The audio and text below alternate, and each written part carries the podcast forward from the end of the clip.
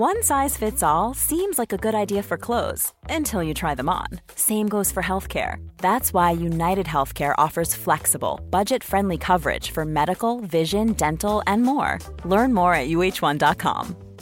Hey, I'm Ryan Reynolds. Recently, I asked Mint Mobile's legal team if big wireless companies are allowed to raise prices due to inflation. They said yes. And then when I asked if raising prices technically violates those onerous two year contracts, they said, What the f are you talking about, you insane Hollywood ass?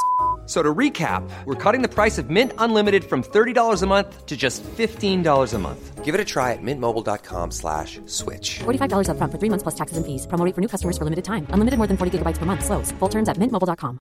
Many of us have those stubborn pounds that seem impossible to lose, no matter how good we eat or how hard we work out. My solution is Plush PlushCare. PlushCare is a leading telehealth provider with doctors who are there for you day and night to partner with you in your weight loss journey. They can prescribe FDA-approved weight loss medications like Wagovi and Zeppound for those who qualify. Plus, they accept most insurance plans. To get started, visit plushcare.com slash weight loss. That's plushcare.com slash weight loss. Veckans sponsor är Telia. Hos Telia samlar man mobil, bredband, IT-support, mobilväxel, allt som gör företagande enkelt. Och det är just det här att samla allt på ett ställe, att ha någon att vända sig till när det inte fungerar, det är Telia. Ett exempel på vad som inte är Telia, det är ju som när jag lyckas boka förmötet för en poddinspelning med Finansinspektionen till efter själva inspelningstillfället. Eller när jag här, här året var liksom, fick för mig att jag skulle börja springa, så jag är liksom ute och springer taggad, träffar en kompis som säger så du Jan, på måndag ska jag springa ett lopp. Och jag känner så här, ja men det låter inspirerande, så jag käkar pasta, jag byter om, tar mig ner till Malmö stadion för att göra en efteranmälan, står där i kön och sen så när jag liksom anmäler mig så tittar de på mig och säger så här, du Jan, vårhuset är bara till för kvinnor. Och eh, det var, det var typisk en situation som inte är Telia. Oavsett, ett stort tack till Telia som sponsrar, gör Rika Tillsammans möjligt, men framför allt tack till dig som lyssnar, följer och eh, hänger med oss varje vecka. Ibland kan man avundas de alltså människorna när de verkligen fick kämpa för frihet, alltså när de gjorde revolutioner av olika, eh, mot förtryck och att de, alltså för frihet är någonting som kärlek, att liksom det är värt att leva för och dö för samtidigt. Du lyssnar på Rika Tillsammans-podden som handlar om allt som är roligt med privatekonomi. I den här podden får du varje vecka ta del av konkreta tips, råd, verktyg och inspiration för att ta ditt sparande och din privatekonomi till nästa nivå på ett enkelt sätt. Vi som gör den här podden heter Jan och Caroline Bolmesson. Idag är det dags för veckans andra bonusavsnitt mm. eh, och det är ett samarbete tillsammans med Erik Strand och AUAG Fonder. Och det var ju så när vi förra veckan hade då avsnitt tror jag, 172, eh, så kom det ju in innan dess också så mycket frågor. Eh, så att när Erik kom till Malmö och för att hälsa på oss klockan 9.20 och sen skulle han iväg 13.20, då maxade vi den och spelade in ja, nonstop. Det gjorde vi. Inte ens lunch fick stackars eh, Erik. Men vi tyckte att detta var så himla roligt för att i detta avsnittet så pratar vi om framförallt makro, makroläget. Alltså vad som händer, vad som händer runt om i världen. Makroekonomi, alltså är, ja. stora, de stora penseldragen ja, helt enkelt. Och eh, det, det, är liksom som, det är som Melker, jag måste bara ta så här, som Melkers fråga. Det är alltid kul att lyssna på vad Erik har att säga. Han får gärna berätta mer om världsekonomins framtid. Och Willy skriver makro, makro, makro, vart är vi på väg? Så att jag tror att detta är så ett av de mest önskade avsnitten ja. tillsammans med Erik. Ja, hoppas att ni får ert lystmäte. Han pratar ju ändå en hel del om makro. Absolut. Mm. Och för dig som är ny, eh, som inte har lyssnat på våra tidiga avsnitt, eh, så är det så här, det är inte som att vi rekommenderar nu, liksom sälj allt och köp guld eller köp Eriks fonder, utan vad vi rekommenderar fortfarande är avsnitt 99, ha ett brett stabilt sparande som går i linje med forskningen. Och sen kan man alltid ha liksom guld som ett komplement eh, till, eh, till det. Så det är avsnitt eh, 99 rekommenderar vi att titta på. Är man då intresserad av Eriks fonder, som vi pratar om ganska mycket, för han har precis lanserat en ny fond eh, mm. som heter AUAG eh, Precious Green. Så det kommer vi också prata om och de går att köpa på Avanza eller Nordnet. eh, som vi har sponsrade länkar till, men även faktiskt Saver. Så jag kommer Och lite ut billigare kanske då också? Eh, eller? precis, Saver är ju som Avanza eller Nordnet, eh, fast man har lägre fondavgifter. För det är no- normalt sett så att Avanza och Nordnet tar 50 till 60 procent av avgiften och medan Saver bara tar 0,1 procent. Så att man betalar mindre för fonderna och Erik får fortfarande lika mycket betalt för Mm. det jobbet han gör. Så att det är en sån här win-win för alla utom Avanza och Nordnet. Men det tycker jag är helt okej i detta läget. Eh, sen ska vi också säga att eh, Erik har ju varit med på flera Fika Tillsammans i vår Patreon-community. Så vill du vara med och eh, lyssna live på Erik, eller eh, om det är så att du lyssnar på detta efter att det live-eventet var, så finns det en extra inspelning. Så att om du känner efter fyra timmar, Erik Strand, att det fortfarande inte är tillräckligt, utan det är Och så ytterligare- kan det vara. så kan det, det, det brukar vara så. Ja. så, så finns det extra och bonusavsnitt på Riket Sammans-communityn. Och där finns så mycket mer och också. Jag kan säga att vi har gjort saminvesteringar nu under hösten och vi har gjort börstips och börsintroduktioner. Vi tipsade bland annat om Lifeclean och vi har tipsat om Readly och vi har tipsat om eh, eh, ja, fler sådana här aktier. Så att där händer sjukt mycket roligt. Mm, Eh, Så gör jag tänker att detta avsnitt behöver inte handla om mig eller om Patreon, utan jag tänker att Vi kör på nu. vi kör på. Mm. Eh, Vi bjuder in Erik, så varsågod. Varmt eh, välkommen tillbaka, Erik Strand. Du är ju fondförvaltare till två fonder, eh, AUAG Silver Bullet och AUAG Precious Green. Du har varit med här på bloggen flera gånger och pratat om guld, silver, framtiden, makroekonomi. Men det roliga är också så att du har varit landslagsfäktare, du brinner för eh, yoga och som jag brukar alltid säga så att man känner sig alltid lite klokare när man har eh, träffat, eh, träffat dig. Och sen var det faktiskt en, ja förlåt, välkommen. Så, förlåt, vi, vi har spelat in två andra avsnitt som vi rekommenderar i anslutning till det där, så det kändes så här fånigt att säga välkommen. Du, du bara tittar på Ja, mig, jag Kalle. undrar vad du ville säga där. Det var någon... Jo, men det, det, Ja, var jag det vill du skulle ha, vi hoppar rakt in, för vi har massor av frågor här för att läsa. Och Kör. Erik Axelsson, han Mm. hade skrivit så här. Eh, Erik, eh, Erik är fantastisk. Han har alltid intressanta feelbad-fakta. Och det var det som jag tänkte eh, var Ja, men det har du. roligt. Att, att man är så här, man får passa feelbad. mig snart här, det, tror är jag. det, där, det är det där med att eh, man säger så, vi, vi gillar ett bolag och då, ja, ja, jag vet inte ifall jag hade kanske aktat mig för det. Som Ja. What? Eller som vi hade i det förra avsnittet, så här, vilket är det sämsta rådet till finansbranschen? Så här, Månadssparande, no, what the fuck? Jo, sen hade du en bra motivering till det. Som är jättebra, så vi rekommenderar verkligen att lyssna på de andra eh, avsnitten. Men i alla fall. Vad Er- säger nu Erik Axelsson Jo, här? Erik Axelsson tänker så här. Till exempel vore det intressant att hyra hans syn om guldets utveckling i dessa tider. Det har gått upp mycket. Vad kommer att hända nu? Eh, absolut har det kommit upp priserna, men eh, jag brukar faktiskt ha en ganska enkel schablon som är kopplat till skulderna och kreditskapandet. Och min enklaste ekvation på det är, för att hitta ett fair price, Mm. eh, är att ta USAs skulder och Feds balansräkning. Och är, om USAs skulder är 23 trillion dollars, det har väl ökat lite till nu då, och Feds balansräkning är 7 trillion, så blir det 30 och så 30 gånger 100 så att priset är 3000. Om man nu tar kurvor, lägger man ihop de här och hittar Okay. en graf så att vi borde egentligen vara på Vilken, 3000. vilken, vilken tumregel! Ja, är, jag har funderat fram den här ganska bra och tittat lite historiskt och känt att det, det är ju skuldsättning, så vi måste hitta en koppling till ett fair price, så Ja. vi vet vad, vad kan vi förvänta oss. Så att, eh, därför har jag sagt vid något tillfälle att jag ser alla pris under 3000 idag ja, som, som billigt.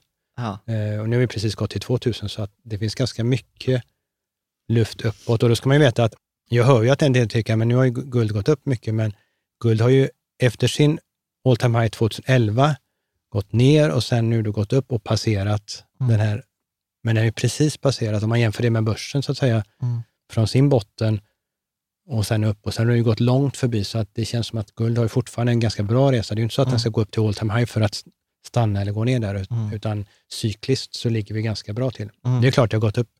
Det var billigare att köpa kanske för ett år sedan, men det är Mm. fortfarande ganska långt kvar. Men, men i förra avsnittet med frågor, som vi har i Mm. anslutning här, så pratade du om att eh, i din fond då, AUAG Silver Bullet, då sa du så här att ja, men jag kommer att känna att vi har gjort en bra resa när vi har gått från NAV 150, alltså genomsnittligt pris på fondandelen, idag på 150 till 1000, så då räknar du nästan sju gånger uppgång på, på din fond. Och du sa också då att ja, men tåget har gått från den första stationen, men det har stannat vid den andra. Och man det kan for- fortfarande hoppa på man kan silvertåget. fortfarande hoppa på silver och guldtåget, det är inte kört.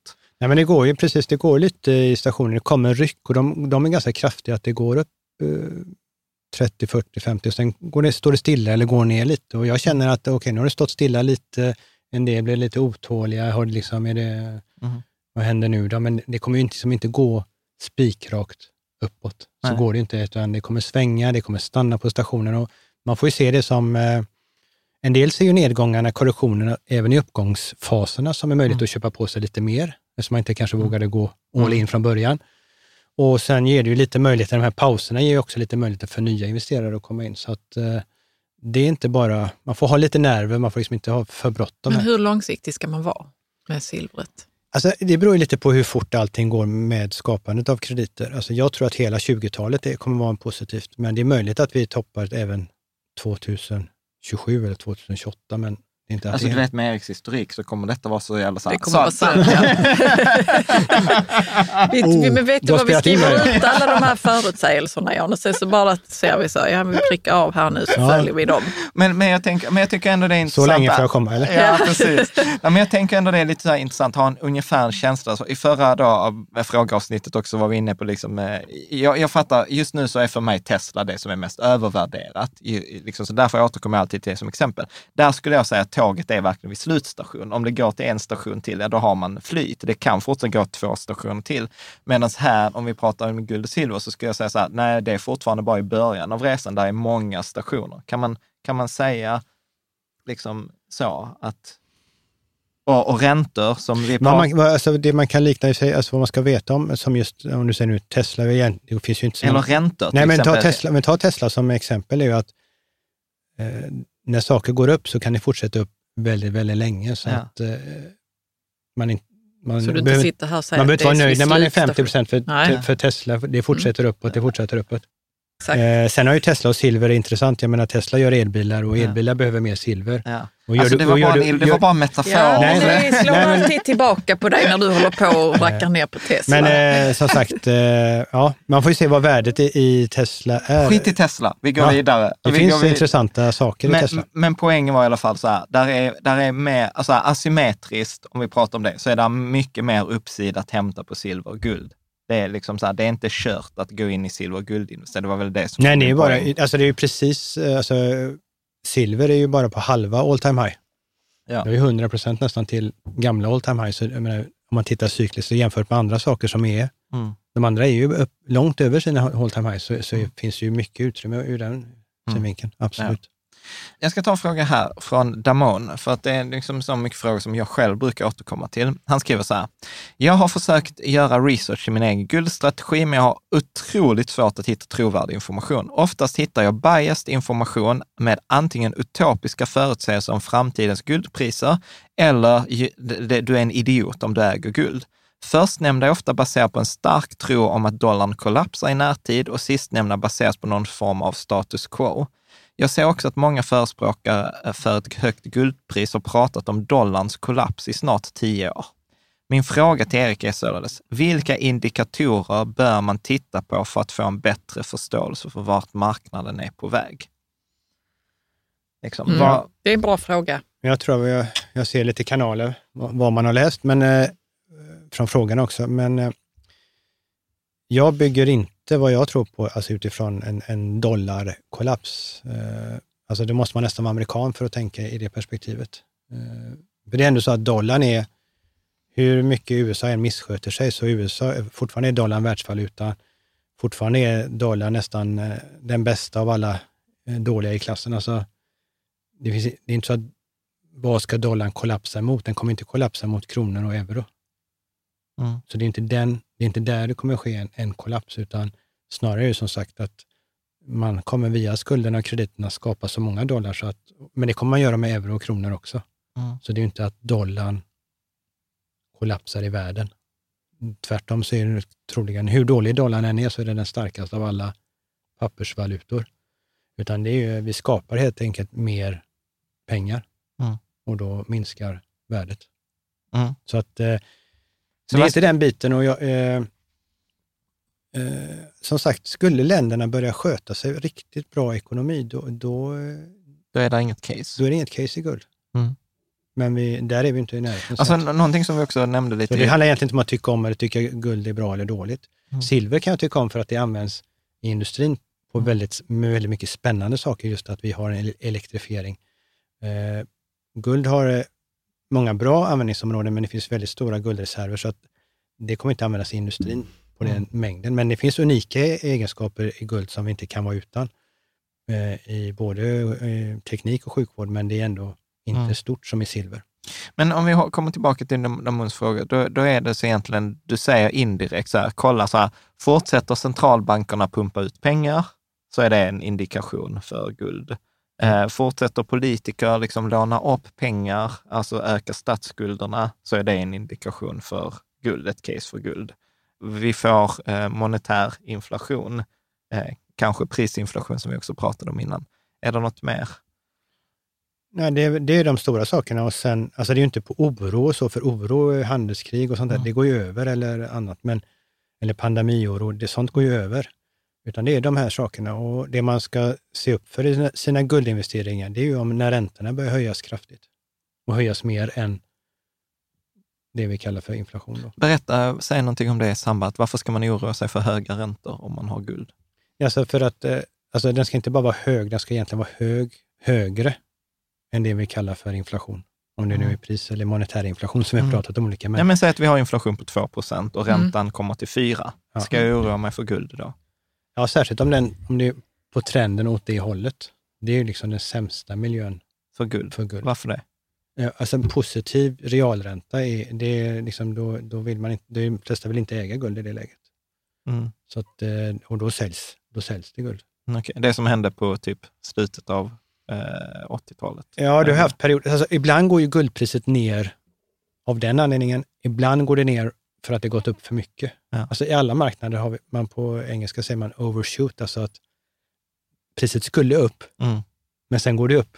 För mycket. från spekulanter för mycket. Och där har du en nedgång som ska ner bara för att det gått upp för mycket. Mm. Mm. Men sen har du också det här fundamentet att eh, har, du, har du så att säga tajta finansiella, eh, alltså med, med hö, starka, höga räntor, eller som när de knäckte inflationen, på, eh, när de här i USA höjde räntan från Mm. 10 till 20 procent. Det är ingen bra guldmiljö, för då kommer många investerare, det är inte fel att äga guld, Mm. men investerare kommer att lämna det vid det läget och då kommer priserna gå ner. Mm. Det gör, Men är det det gör inte som- guld sämre, men, men, men det, blir, det blir en dålig Mm. avkastning. Men då, då, då ska vi till de räntelägena och eh, kan man se de räntehöjningarna framför sig, då ska man ju avvika, alltså inte ha guld. Men Mm. det, jag tror det är svårt att se dem. Men ska man som småsparare bry sig om det? För vi ska väl alltid äga lite guld? Alltid bra att ha ju, eh, guld i en portfölj. Om man pratar portföljteori Ja. Mm. eh, så ska man ju ha guld i sin portfölj. Det, så är Men- det. Oavsett egentligen hur det går. Ja, men, Ja. Där, men där, där pratar vi också, så här, det är väl egentligen det som vi också satt upp i tidigare avsnitt här på Mm. bloggen med Erik. Att, alltså jag brukar ju säga så här, mellan 5 mellan fem och 10 procent guld i en portfölj är aldrig fel. Men som Erik säger så här, ja fast då har du kanske också ingen, liksom, då tjänar du inte pengar på caset att om till exempel eh, om vi har 30 procent räntor i det där, då har man liksom inte tagit hänsyn till hur framtiden kanske kommer att se ut enligt det scenariot som Erik beskriver. Nej, så då vill nej, man ha en högre än överallokering för Mm. att liksom tjäna hem liksom pengarna på Precis. Mm. det. Eh, bra. Eh, ska du ta här Ulrik Höglunds fråga? Ja. Jag skulle gärna lyssna på Eriks förklaringar angående guld-silver-ration samt lite mer om brytningen av metallerna. Var hittar man mest guld idag till exempel? Mm. Det vill jag också veta. Ja, vi ska börja på slutet då.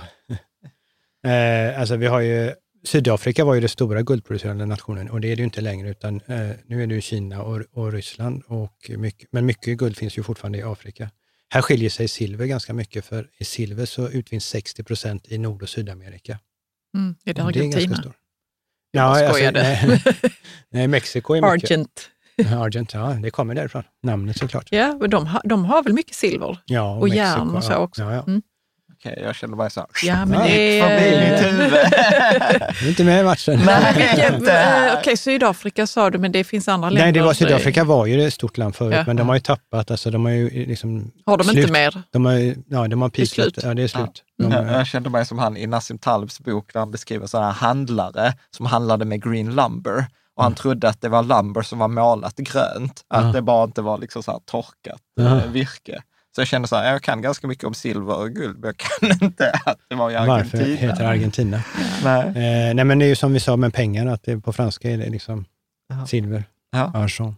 Ja. Och Argentina är ju samma sak där. Men eh, så där är det ju var det utvinns. Eh, och det passar i våran fond just att eh, silver är fokuserat ganska mycket till nord, så att vi, vi gillar säkra juris, jurisdiktioner. Ja. Vi gillar inte riktigt bolag i svåra länder i Afrika. Vi gillar inte heller utvinning kanske är stor, som mycket i Kina eller Ryssland är också svåra, lite svåra länder. Så att Mm. vi gillar att det sker i Kanada eller USA eller Mexiko eller amerikanska länder.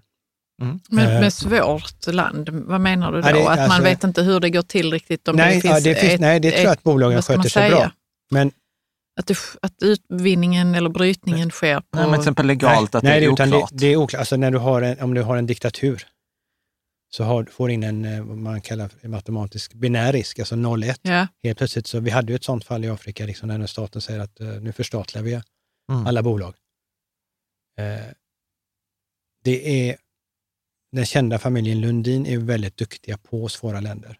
Och är man väldigt duktig på det så kan man få väldigt mycket betalt för det. Men man tar en stor risk att värdet går inte bara upp och ner, utan det kan plötsligt bli noll om staten ta- förstatligar det i en diktatur. jag undrar det- hur de eh, gör för att vara duktiga på det. Ja, då måste du verkligen... Ja, Ja, vad de men då? alltså, liksom? jag i en fond vill jag inte ha, jag vill, jag vill undvika sådana risker. Det passar Mm. inte i en fond. Mm. Mm. Eh, men det var det var det Vad var det utfinns. och sen var det här? frågan om ration mellan eh, guld och silver också. Va? Ja. Mm. Eh, och hur mycket det utvinns. Eh, vad som är intressant är ju i jordens eh, skorpa, då, där, där man kan utvinna idag guld och silver, så eh, finns det 16 gånger mer silver än guld. Och Newton och de här, de hade ju en, en eh, skulle vara en koppling, en, sku- priset skulle vara 16 gånger, alltså guld skulle vara 16 gånger dyrare än silver. Det var ju deras, det har varit så över lång, lång tid över historien. Så har det varierat lite runt Mm. 15, 16, 17. Eh, Tittar man på utvinningen idag så är det svårt, eh, dels har man svårt att få fram guld, men ännu svårare att få, få fram till med silver, så man får bara ut, upp åtta gånger så mycket Mm. silver. Eh, Så att det skulle kunna tala för att den här gold-silver ratio ska ner. Mm. Men nu är det väl fortfarande jätte... Kanske, nu har jag inte kollat Nej, det efter har ju de varit väldigt hög, alltså när det det var- var över 100. Ja, det var över 100, eh, nu har vi kommit ner mot, eh, mot 80 och 70, så att Mm. för silver har gått bättre än guld. Men innan en sån här bra ädelmetallsperiod vänder neråt, så brukar den gå ner till i alla fall till 30, 30-40. Så det är ganska mycket, investeringsmässigt så är det en fördel för silver Mm. när ration går från 70-80 eller från 100 neråt som det har gjort nu och sen när den börjar komma ner till 30-40, då kan man ju börja titta, då är det en bra faktor att titta på, är det dags att börja köpa guld istället för silver? Mm. Men okej. den här gången tror jag att det kan gå längre ner, just för att eh, man har svårt att få fram silver och att silver eh, kommer behövas så mycket i, i framtida Men, industrin. men vad tror du är Det kan komma ner till 10 till och med tror jag. Ja, för att du sa innan att så här fair value på, på guld kunde vara ungefär kanske 3 000 Mm. eh, dollar. Vad tror du är ett sånt fair value på, eh, på silver? Ja, eh, till ungefär samma koppling så ser jag ju att vi borde vara och komma ganska snabbt ner till det här 30, Mm. alltså gold-silver ration. Mm. 30 och 3000 och 30, det blir 100. Hundra. Så du tror, ja precis, för det sa du också att vi ska upp på tresiffrigt och då är det ju fem, fyra gånger mot... Sen om jag tror på ett fair pris på 100, ja, så så, kan ska det inte, sticka. det kan sticka till 130-40, Mm. men då har det gått upp. för mycket. Även, då skulle även jag tycka att det är nu är det för dyrt Vad är det för enheter på de här? US-dollar per, Per uns. uns. per Per, 31, troy, ounce. per 31 gram. Det 31 är inte vanlig ounce, det är Nej, troy, troy ja. ounce. Uns är 31 gram. Nej, Eller, troy ounce. Troy ounce. Det är skillnad på ounce och troy ounce. Ja. Ett sånt här guld, silver ounce, Mynt. troy ounce är ju 31,2 Mm. eller 31,1. Ja, det är flera ja, decimaler. man kan Ja. säkert slå detta på Wikipedia. En, va- en vanlig ounce, det är inte en vanlig ounce, utan det är en troy ounce, för att, eh, och det finns lite ja, historia också om det. Så det är intressant. Menar du ratiot? Nej, Troy. eller vad Ja, det jag, kommer jag, från- jag vet, jag har läst det, men jag kommer Troy, inte ihåg. alltså i Frankrike, där man höll på med de här viktmåtten. Ja. Men det finns lite olika förklaringar till hur ordet Troy kom till, så att, eh, Ja. vill man, kan man googla mer på det. Eh, bra, så att Men vi, man ha- jobbade ju mycket med, alltså förr i tiden så var ju vikt, alltså även om det var mjöl, Mm. eller liksom hur man vägde saker, var ju väldigt viktigt förr i tiden. Det är det Mm. fortfarande, men Mm. vi har ju gått från de här, vet när man köpte Ja, ja. la- på, vågen och la Ja. Skulle små uppnå vikter- balans vikter och så. för- Ja. så, mycket är det. ja, precis. gjorde vi i skolan. Då var vikter väldigt värdefulla. För länge sedan var de ju extremt värdefulla. Ja, ja, precis. När det inte Mm. fanns så många. Ja. Det fanns på ett, Och man hela byn fanns man- kanske bara, och att de stämde vikterna. Ja, precis, för det vet jag också. Ja, det, Hampus Hedberg, han eh, tror vi silverpriset kan stiga med 25 till 30 dollar per uns. Ja, det har vi precis pratat om. Men sen så har han en spännande fråga, Mm. som vi då berör just nu. Sen är frågan, vilka fortsätter köpa silver när priset ligger kring 50 dollar per uns? Och då, Mm. skulle, då har du egentligen svarat på det nu, att det är ganska många eftersom det fortfarande är billigt. Ja, och sen så ska man veta att eh, eftersom vi har, om man tittar på Comex, så är det väldigt tajt med den fysiska mängden och det finns inga reserver. Och tar vi beaktande att i varje bil, dator, mobiltelefon, solceller så behöver du silver. Mm.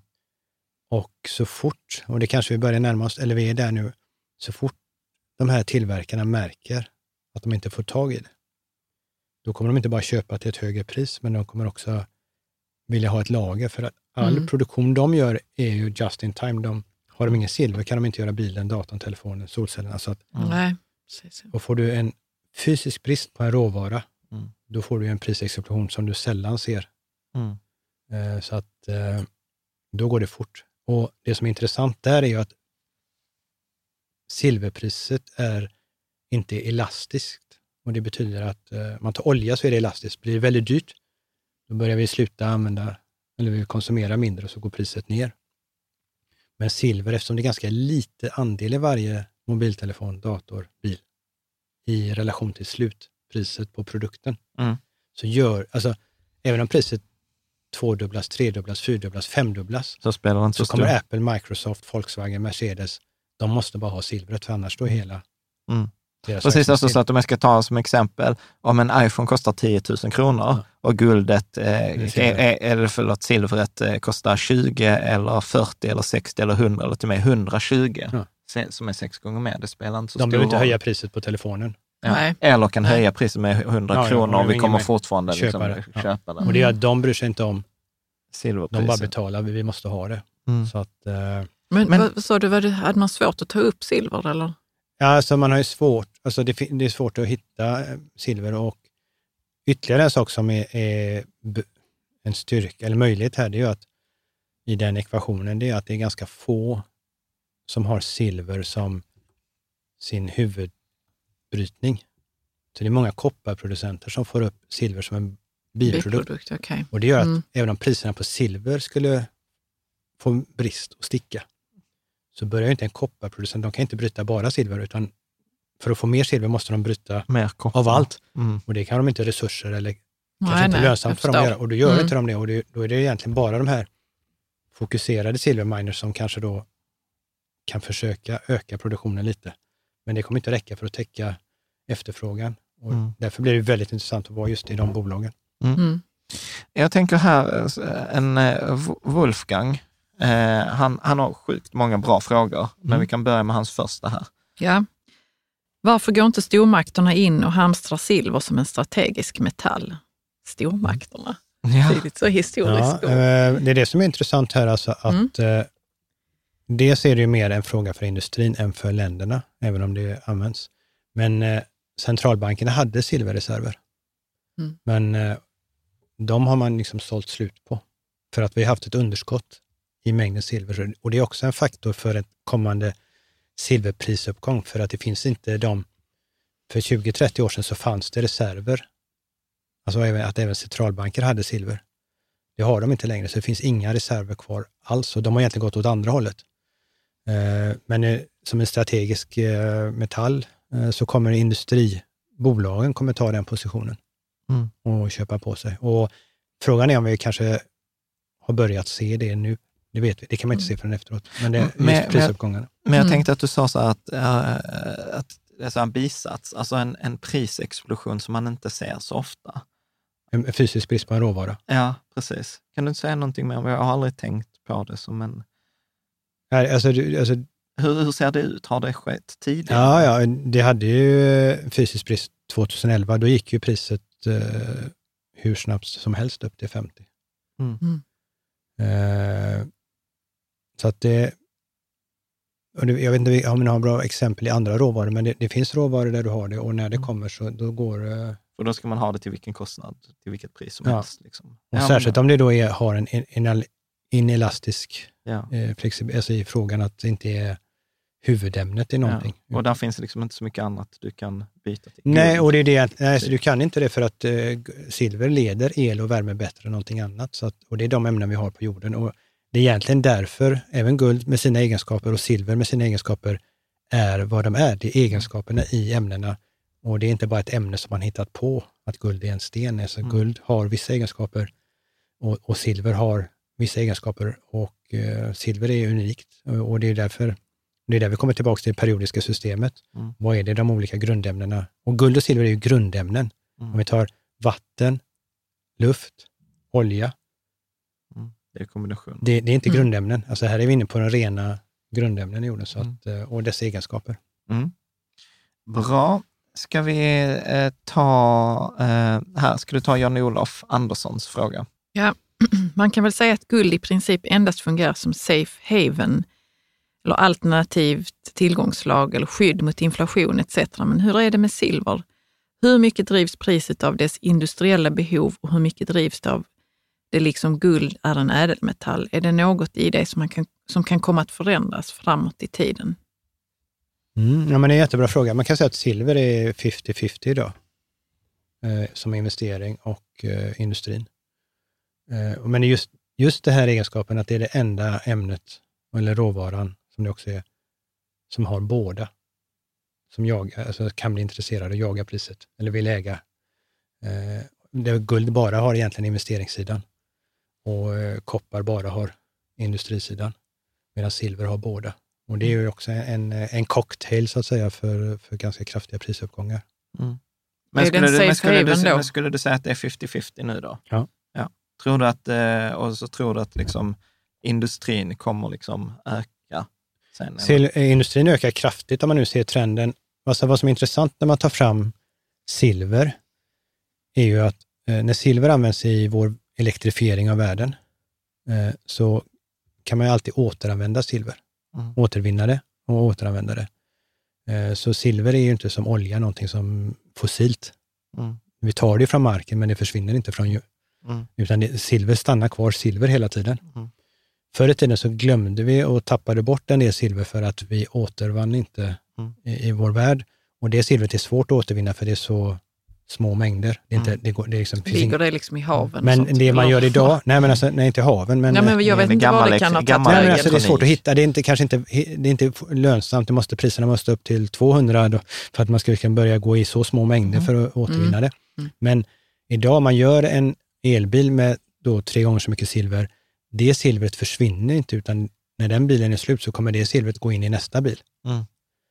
Eh, och det är egentligen resan när vi går från, om det nu finns 3 2-3% elbilar till 60-70, eller liksom när vi ska he- hela vägen, då kommer det gå åt mer silver. Men när vi har nått en mättad marknad, nu kommer inte ha mer elbilar, Mm. då kommer inte det vara ett eh, utökat behov, för att då kommer det silvret bara rulla runt, runt, i, i ja. den marknaden. Så Mm. att det är också bra med silver och guld, att de inte, det är ingenting som försvinner idag. Mm.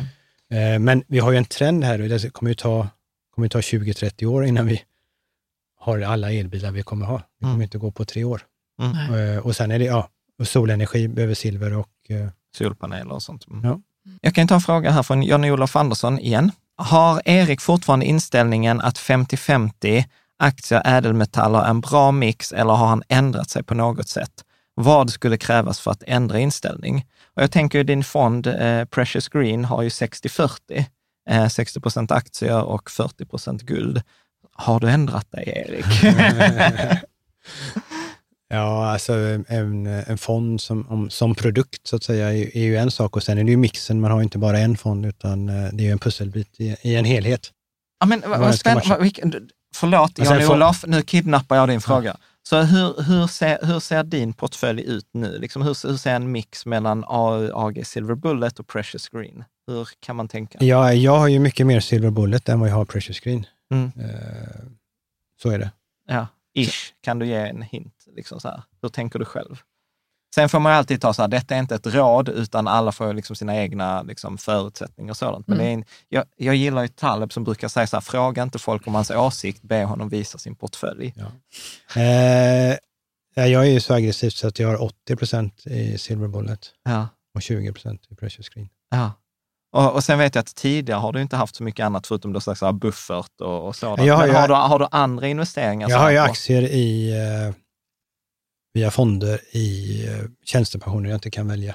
Ja, okej. Men, Alltså- men allt du kan välja så har du liksom mitt egna. 80, ja, ditt egna har du Ja. 80-20. Alltså jag har så, 80, men vänta här nu. Jag har bara En mina egna, jag har bara, 80-20-portfölj istället nej, för nej, nej. 80, nej. Ja, han har delat upp 80 procent i Silver Bullet och 20 procent i Precious Green. Av, eh, Av det tillgängliga kapitalet. Av egna. 60-40. nej. Nej. Nej, vad fan, jag är inte med här nu. Okej, så om, om Erik har 100 kronor Ja. så har han placerat 80 kronor i AG Silver Bullet och 20 kronor i Precious Green. Ja. Okej, och sen Precious Green är uppdelat 60-40 i den delen mellan då aktier och guld. Okej. Okej, Mm, bra. Ja, då, Ja.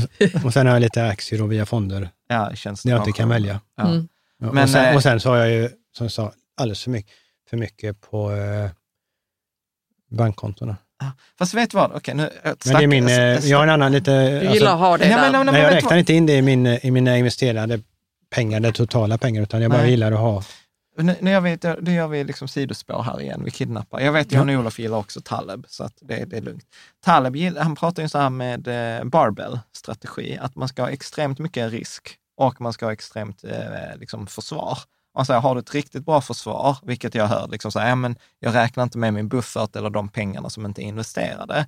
Men så blir det så att ja, men eftersom du har dem så kan du ju vara superaggressiv i den här andra delen. Ja. Så att där är ju du mycket mer i liksom extremerna, medan jag kan vara så här, ja men jag är mer i mitten, som blir varken kanske hackat eller malet. Så att, ja, det var ganska... Nu är det politiskt korrekt. ja, men äh, jätte, Finans. jätte- Ja, nej men eh, jag gillar att ha... Eh, alltså det får inte, det är lite, ibland är det lurigt när saker blir mellanmjölk. Alltså till slut så vet man inte riktigt vad man har. ja. Eller varför man har det. Alltså det, det, är okej, ja, det är nog bra, eller det är blandat, men Ja. vad är det? Så att, Mm. eh, så att eh, Men om vi, om vi vänder, om vi vänder på så här, för, för detta bygger ju på det som vi har pratat om innan, att du, du, du är ju övertygad om det här liksom inflationsscenariot, eller vad man ska kalla det, att staterna missköter monetära. sig, monetära, Mm. monetära inflationsscenariot. Så här, vad händer om du har fel? Om jag har fel. Ja. Det händer väl inte så mycket.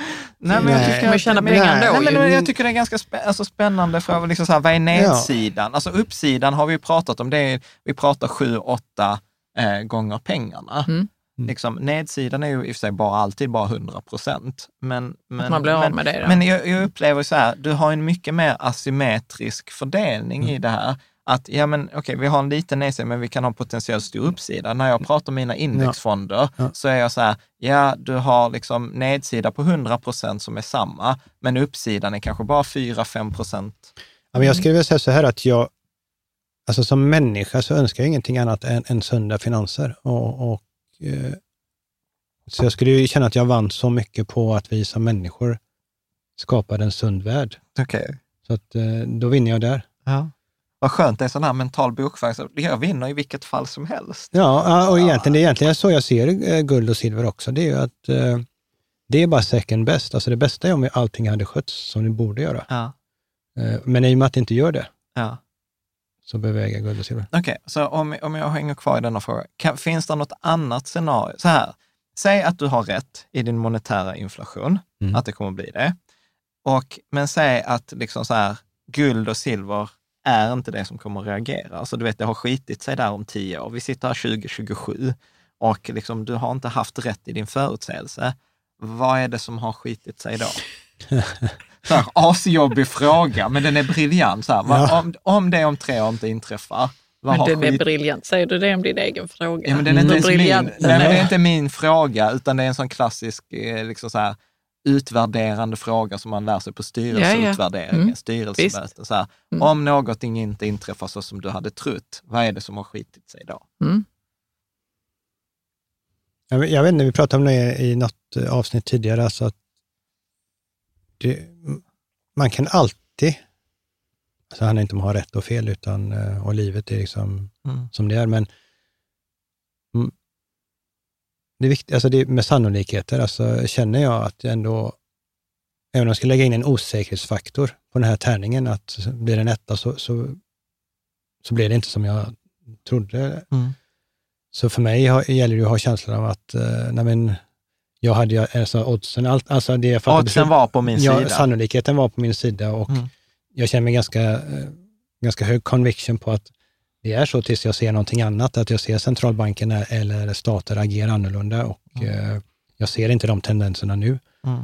Om, om sju år så kanske vi, eller fem år, kanske vi har ett annat scenario där det inte är lika tydligt. Nu Men- tycker jag att spåret är väldigt tydligt, men det kan ju närma sig en period och då, då kanske frågan blir ännu intressantare, men eh, det måste, alltså, man måste våga också ha, våga ha fel för att kunna ha rätt. Alltså, det tror jag är det viktiga. Alltså, skulle man bara säga saker som alltid blir rätt, alltså, Mm. då skulle man aldrig våga ha fel, då skulle man inte säga någonting. Nej, nej, nej, Så att eh, jag tror eh, konsten är ju att våga stå för någonting eller tro på någonting för att man har ett case i den frågan. Mm. Och, och att eh, när, jag när jag bildar min uppfattning så har jag det bakom mig.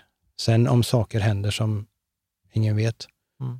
Då- Men vad var då- nu nej, svaret då- på denna frågan? Nej, men jag- jag- att hur Nej, men alltså, om, det nu, om det nu Nej. blev något annat scenario än... nej, men jag än, tänker, jag tänkte... Jag, jag, eller något jag, annat går upp? Eller? Nej, nej, nej, men jag, jag, tänker, jag tänker ju så här, till exempel så här, det finns ju så här klassisk historia, kasi- ett kasino som hade liksom så här, de skulle inte förlora pengar, så de hade sjukt bra koll på alla som spelade, de hade koll på de som fuskade och, och liksom man hade eh, liksom matematiker som beräknade oddsen så att man hade liksom en liten edge. Och sen var det liksom en på redovisningsavdelningen som hade glömt skicka in skattedeklarationer. Så liksom de fick sjukt mycket böter och höll på att gå i konkurs för att någon inte hade skickat in skattedeklaration. Alltså förstår du, det var en Ja. risk, det var, det var liksom... Något helt Det annat. var något helt Ja, men okej, annat. alltså, jag jag, menar, en, sån risk, alltså en sån risk som jag skulle kunna se, men den vill vi egentligen kanske inte prata. prata om. För då mår även jag dåligt eftersom jag är en eh, människa som förespråkar frihet. Och det är ju alltså att eh, på den väg vi är, så hur långt kommer förstatligandet att gå? Och det är lite obehagligt, ska jag säga. Okej, du får gärna utveckla det där. Nej, men alltså vi har ju börjat nu att staten ska skicka ut checkar, staten fixar det hela, staten trycker pengar, Japan och Schweiz så trycker man pengar och köper börsen och alla hejar på det. Även när marknadsekonomer tycker det är skönt att börsen går upp i Japan. Mm. Men egentligen är det ett förstatligande som inte hör hemma i marknadsekonomi. Det är samma sak som eh, Riksbanken börjar köpa företagsobligationer. Alltså, man låter inte marknaden vara marknaden. Och ju mer staten tar hand om, alltså om staten, om du köper, tävlar, du jobbar, eh, tjänar pengar kanske och köper aktier och sen går staten bredvid, trycker pengar och köper samma aktier, tävlar om samma aktier med tryckta pengar. Då är det ju ett förstatligande. Och i slutändan, om vi får större politiska spänningar i världen, alltså på grund av eh, orättvisor, att de rika blivit för rika och de fattiga har ingenting eller vad det nu än är, eh, så kan, så kan du komma i, i en eh, värld där liksom, eh, länder förstatligar det mesta. Mm. Och då kan de ju förstatliga bolag, de kan förstatliga liksom, guld De kan ta ditt guld. Ja, whatever. Alltså de kan ju Ja. sätta det i alltså de kan ju, alltså där finns ju någon, någon eh, en risk också. Mm. Det skulle vara en sån risk då. Mm. Men, eh, och då, då är det svårt att se någonting positivt om staten tar den. Men jag, staten går, det är ju en, en trend som är obehaglig att se, att man har ju mer och mer kontroll och man begränsar så att säga hela tiden och samtidigt så äger man marknaden genom att samtidigt skicka ut pengar och checkar Mm. och så man är trevlig och snäll också. Så att, så att där är väl ett spår som man får hålla lite ögonen på. Har du någon sån här plan, då sticker jag. Jag, ja, jag har ju alltid önskat att vi hade liksom var ett land hela världen och att man var världsmedborgare, men det var ju en vision jag haft. Men, men eh, jag vet inte vad man ska sticka om, eh, om det är så. Jag, känner, jag gillar inte att sticka. ja, eh, alltså, ibland kan man avundas de alltså människorna när de verkligen fick kämpa för frihet, alltså när de gjorde revolutioner av olika, eh, mot förtryck och att de, alltså för frihet är någonting som kärlek, att liksom, det är värt att leva för och dö för samtidigt. Mm. Och när du verkligen kämpar för frihet och inte ger undan, ah, jag vill ha trygghet, bättre, ah, jag, vill, jag vågar inte stå upp för frihet, utan jag tar hellre trygghet och får mina checkar. Att vi kan ju hamna i ett sånt, eh, en sån värld, alltså där, där frihet blir en viktig fråga. Och mm. när de, de, som verkligen kämpade för frihet, det, det var ju liksom en era i sig. Mm. Det står ju an hos mig. Braveheart var ju en favoritfilm i, i många år. Många män som gillar ja, men frihet, ja, men frihet är ju alltså, frihet är något som eh, man är inne och tullar på det. Mm. Mm.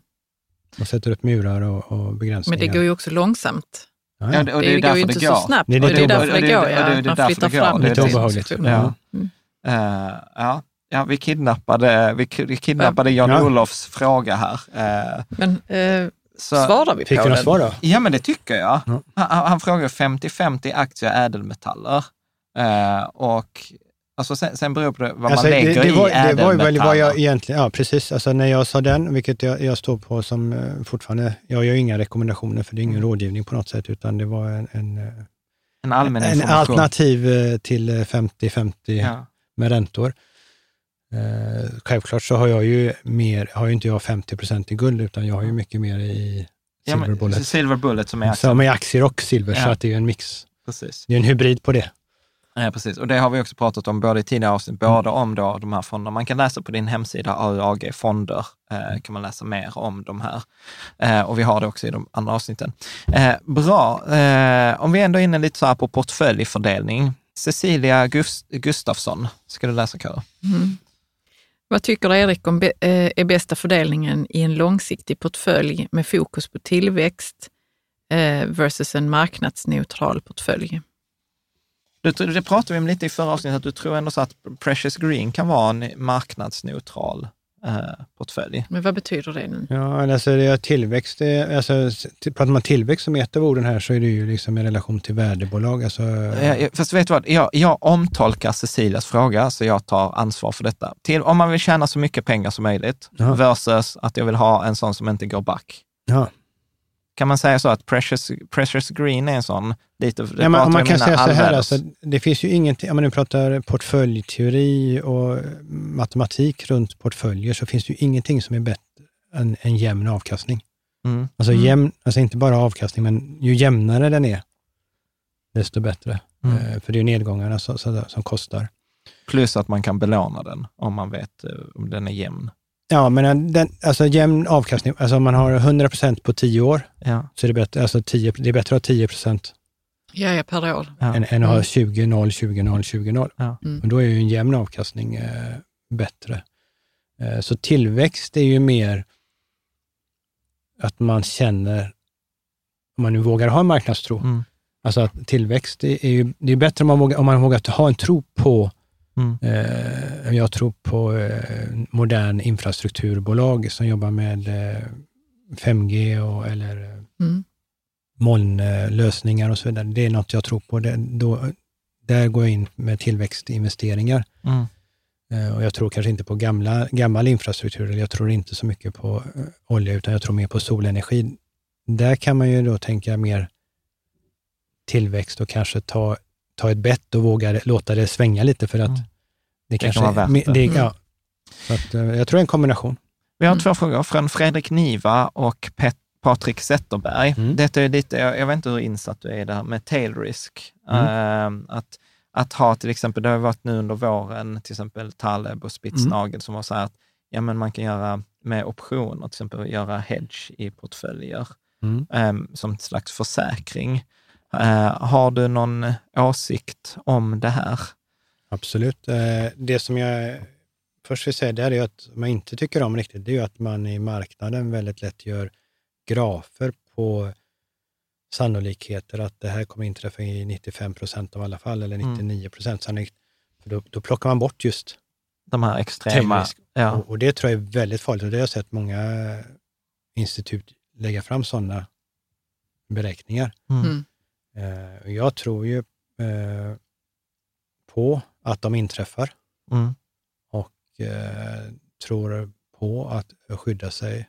Eh, Hur, hur, Mm. tänk, hur tänker du när du tänker skydd? Alltså för att ibland pratar man ju guld som en lite tail risk och sen, sen upplever jag ju det här Taleb och till exempel Spitznagel som vi pratade om avsnitt 166-167 har ju tagit det till sin extrem där man egentligen köper säljoptioner och kan få liksom enorma avkastningar vid de Ja, här och vi tittade ju pratade lite om att ha liksom våra långa volatilitetsindex och, Ja. och sen finns det ju ännu så att säga att du, alltså, du hela tiden betalar en premie, en liten premie. Alltså det behöver bara vara en procent Mm. av portföljen. Mm. Men har, har du, inträffar inte så, är du liksom, du är 100 procent borta. Så, så får, får du ta från de andra pengarna igen för att köpa en ny sån här försäkring. Mm. Eh, och, alltså det, det som kan vara bra, det är svårt att skapa sådana saker eh, för gemene man. Eh, det som är bra är, många stora hedgefondförvaltare gör så här nämligen att de, de eh, tar hellre en liten summa som de sätter på en väldigt, väldigt hög risk. Och förlorar de den så har de förlorat den och eh, så får de köpa en ny. Mm. Har de rätt så tjänar de pengar. Och så blir det väl ett snitt av det där. Men fördelen för dem, då, det är liksom att okej, nu sätter vi de här 3 procent. Antingen vinner vi eller så förlorar vi. Och då är det ganska, ganska känt. Mm. Då blir det antingen eller. Har man en bred portfölj så är det lite svårt att veta när, när har jag förlorat pengar eller inte för att det kanske går ner 20 procent eller ska det gå ner 30 procent hela portföljen. Mm. Och då blir det ganska stora rörelser. Så att det där är väl lite av en smaksak. Jag tror det kan vara svårt för gemene man att jobba med sådana extrema positioner där man liksom... Men för vissa, de som tar, gillar att prata risk, de gillar ju att den, den är känd. Vad är det jag liksom, vad är det maximala jag kan förlora? Ja, precis. Nedsidan är känd. Ja. Liksom. Ja. Mm. Eh, Men Så- det, det tål ju ganska, alltså det är ganska jobbigt att, alltså många sådana strategier, liknande strategier, alltså har det varit lång volatilitet, på engelska brukar de kalla det för uh, the widowmaker eller någonting. Alltså, Ja, ja, alltså att, att du, du, du kör den strategin men den är hela tiden fel och till slut så blir du skild för att Mm. din man eller fru lämnar dig om du var den. Mm. För, alltså, så att eh, det, det krävs ganska mycket att hela tiden gå tillbaka. Det måste, ju, måste vara väldigt systematiskt tror jag. Men ja, Men, Och det funkar. Du pratar om om man själv skulle göra, Nej, men alltså man gör, ja, de som har, investera många på har ju gjort viset. Men- sådana, sådana och sen så inträffar det inte så ligger du och förlorar pengar he, hela tiden och då kommer liksom till slut kommer alla lämna dig. Om du har investerare kommer de lämna dig. Om du är man och har en fru så kommer hon att lämna dig till slut för att du har liksom, sen när du har rätt. Ja, ja, då Så är har det ingen rätt, som bryr sig längre. Ingen Men, som- men Alltså, eh, så Spitznagel och de har väl Alltså- en systematisk Ja, nej, men, så, eh, äh, vad- vad- exempel, jobbar med utan, det. utan att repetera, för jag tänker vi har fler läsarfrågor Ja. som är mer relevanta, Ja, ja. men han, han pratar ju om att ha 3 procent, eh, att 97 procent aktier och 3 procent tail risk hedge Mm. är, ger en bättre avkastning till en lägre risk än en 60-40-portfölj. Mm. Och, och då så var han just precis som du säger, att man har den kända risken. Eh, men jag tänker vi behöver inte fördjupa oss, utan, utan så här, du känner till konceptet, du är så här positiv och säger så här, för den vanliga småspararen är det väldigt svårt att göra det själv. Och det är Ja, väl vi får inga- och- återkomma och det- till det. Nej, men, och det är väl egentligen det är samma, samma slutsats som vi har kommit fram till. Ja, ja, men historien är ju inte slutskriven. Historien är inte Nej. slutskriven där. Men det är också så här, vil, liksom, vilken tailrisk ska du fånga upp? Vad tänker du? Alltså med tailrisken, alltså, Ja. vilk, vilken, alltså om det som inträffar där ute på kanten, Mm. kanske, du inte, kanske inte det du har fångat upp i ditt... I, det för, I försäkringen? Nej, men- försäkring. Nej, precis, jag, har försäk, jag har en livsförsäkring med huset brann ner. Mm, Liksom. Man måste ha rätt ja, försäkringar. Att, att, eh, du kan ju hamna i ett sånt scenario Ja. också. Så det, är- Mm. Ja. ja. Marcus Bruselius. Erik får gärna utveckla eh, här kring Precious Green. Fonden strävar efter att överträffa sitt jämförelseindex som är 60 procent Nasdaq Global index och 40 procent Bloomberg Barclays Global index. Så att du ska överträffa 60 procent aktier och 60 procent ränteindex. 40%, ja. Eh, förlåt, ja. Är räntor döda framöver? Dags att byta bort nybörjarportföljen. Jag tänker vi har pratat om det i det förra. Ja, du tror att räntor är döda. Eller? Ja, ja, jag tackar för frågan. Eh, Tyckte det var en bra fråga. Ja, vad, vad Eh, tänker du? Nej, men det är väl det vi vill visa och därför vi kallar oss för en ny, ny modern 60-40 som liksom ligger i tiden eh, de kommande 10-20 åren. Mm. Bra. Hur ofta ska man balansera en portfölj? Det är Carl Jonsén. Eh, hur ofta ska man balansera en portfölj med 50 procent guld och 50 procent silver? Ja, guld och silver. Mm. Uh, alltså ett sätt att balansera, om man nu jobbar med, mellan guld och silver så är ju den här gold-silver ratio vi pratade om förut en ganska bra. Det vill säga att uh, när den kommer ner mot under 40, mm. då kanske man då ska börja köpa mer guld. Mm. När de är uppe i 90-100, så köpa mer då ska man köpa mer silver. Mm. Uh, och sen uh, om man nu jobbar på det sättet, det gör ju inte jag, men alltså då, då, då, då kan man ju ha, ha 75-25 i det ena ytterläget och 75-25 I det andra. Alltså i andra ytterläget och, och Det- sen uh, successivt uh, ombalansera så. Men Ja. det, det var bara en i- Ja. idé. Det var ingen rekommendation. Nej, nej. Och det var, Men lite det roligt, hållet, men det var ja. lite roligt för att man kan lyssna på de gamla avsnitten med dig, för att det var faktiskt en av mina insikter efter förra avsnittet som vi gjorde i januari här 2020, att jag bytte faktiskt från guld till silver, omallokerade. Och det har ju visat sig vara väldigt eh, positiva privatekonomiska konsekvenser. Trevligt. Som en, eh, som en kompis då så uttryckte. Mm. Bra. Jag tänker att vi ska ta... eh, Vi ska snart runda av. vi ska snart runda av, ja. Pam, pam, pam, pam. Om eh, det här, Patrik Berntsson. Om dollarn faller för mycket och blir kraftigt volatil, kommer fortfarande guld och silver handlas i dollar? Hur har det gått till vid tidigare Fiat-krascher? Ja, alltså, det som är lite rätt är ju som sagt alla Fiat, alltså alla papperspengar har ju gått under och försvunnit. Någon Mm. gång. Någon Alltså, gång, alltså ja. de har ju varit en Mm. världsvaluta, om det varit pund. Pundet var ju världsvalutan och nu är det dollarn. Och det har varit andra världsvalutor innan och de har kommit och gått med jämna och ojämna mellanrum. Och eh, dollarn är ju den tredje amerikanska dollarn, eh, som nu har i och för sig funnits ganska länge, då, i 107 år. Mm. Eh, och om den försvinner, jag har ju svårt att se någon annan valuta som direkt tar över av, av befintliga valutor. Jag tror att man kommer att försöka hitta, prata om, alltså det pratas redan om lite nya valutor eller nya sätt eller ny mix. Alltså, eh, det har funnits det som heter SDR som är någon Mm. internationell mixvaluta. Det kommer inte bli den, men där det finns men, i- jag tror inte dollarn kommer inte svänga mer än de andra valutorna. Dollarn är fortfarande världsvalutan. Ja, och jag Eh, tänker egentligen så här, eftersom man har pengarna i guld så spelar inte det så stor det roll. spelar ingen stor roll. alls. Nej, för eftersom det är liksom växling. Det spelar ingen Vi roll. har tre avslutande frågor här Mm. från Wolfgang. Han pratar om Comex. Comex är börsen för eh, råvaror. Det? Råvarubörsen. Com- Ja. Commodity och exchange. Ja. Råvarubörsen. Eh, han skriver så här, är Comex en fractional reserve? Ligger det någon sanning i att en uns silver kan ha upp till 500 ägare hos Comex? Alltså Comex är ett pappersspel, men där finns lika många korta som långa. Ja, Så det är egentligen ett nollsummespel. Du har alltid vinnare och förlorare i de som är med på Comex. okej. Så, det, Mm. eh, så där spelar det ingen roll. Däremot så Comex har blivit felaktigt utnyttjad. Comex kommer inte gå omkull eller försvinna, men dess eh, roll kommer förändras. Det har funnits tre, kan man säga, roller. Där roll nummer två håller på att ta slut. Och nu kommer den tredje rollen där det inte spelar så stor roll. Mm. Men den första rollen när Comex var, då var det för producenter, som, precis som det var för bönder Mm. och för de som hade en gruv eller bolag, att hedga sig, att skydda sig så att de fick ett känt Pris. pris.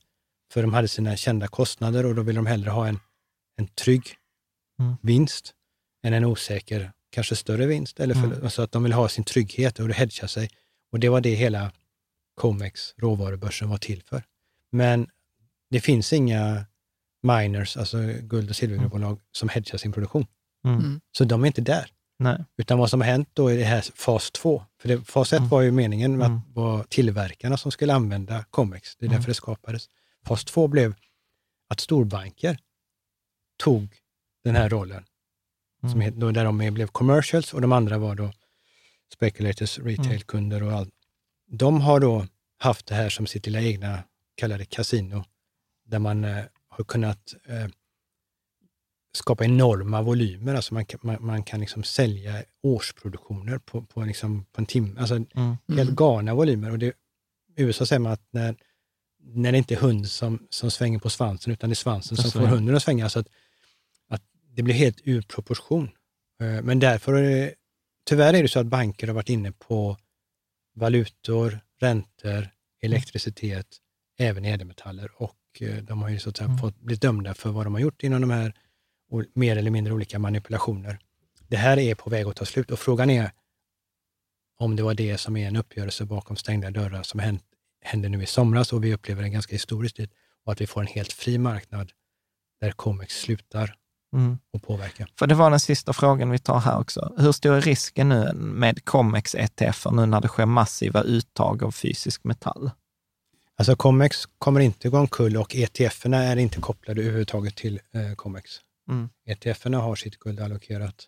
De bra ETF-erna. Ja, finns- alla, alla riktiga ETFer. Ja. Eh, och amerikanska ETFer och, och i Europa då ETCer, som Mm. det heter. Så att, eh, de är inte kopplade till Comex. Mm. Så Comex är ett, är ett spel mellan, det är alltid en kort och en lång position. Mm. Eh, men det är just att de kunnat handla sådana enorma volymer, drivit priserna och ofta har de då suttit med eh, korta positioner i Comex och haft långa positioner fysiskt. Mhm. Ja, så har Eh. man balanserat. Och eh, Warren Buffett var en sån som ägde väldigt mycket silver, eh, fysiskt silver. Sen ville han vara lite smart och använda Comex för, för att göra korta positioner, fast han, eh, han gick bort sig där så att han blev av med sitt fysiska silver i slutändan. Så att, eh, det, det, med stor, och storbankerna har problem där nu, men har vi riktigt tur och håller tummarna så är det slut på eh, att svansen svänger hunden via Ja. Comex, alltså att storbankerna slutar. Spännande. Mm. Jag tänker att vi ska runda av här. Vi har haft två timmar läsarfrågor Ja. i detta och det andra avsnittet. Och jag tänker också så här att eh, jag vet ju att du har ju tackat ja till att vara med på en Fika Tillsammans som vi har i Rika Tillsammans-communityn på Patreon. Och där kommer man kunna, Wolfgang hade någon fråga till här och eh, det var ytterligare någon fråga som vi inte tog upp. Och där tänker jag också att vi spelar in, så då kan man se ytterligare, man känner så här, nej jag har fortfarande efter, efter fyra timmar inte fått nog av Erik Strand, så finns det ännu mer att eh, göra. Så att, ett fantastiskt stort tack er för att du tagit dig till Malmö eh, och eh, ja, som vanligt bidragit med feelbad-fakta, gjort oss lite klokare, lite mer nyfikna och framförallt visat på uppsidan också med guld och silver, inte bara i dina fonder. Så att man kan också läsa mer om på AG Silver eller köpa dem på både Avanza, Nordnet och eh, Saver där de finns. Ja. Tack så mycket. Tack!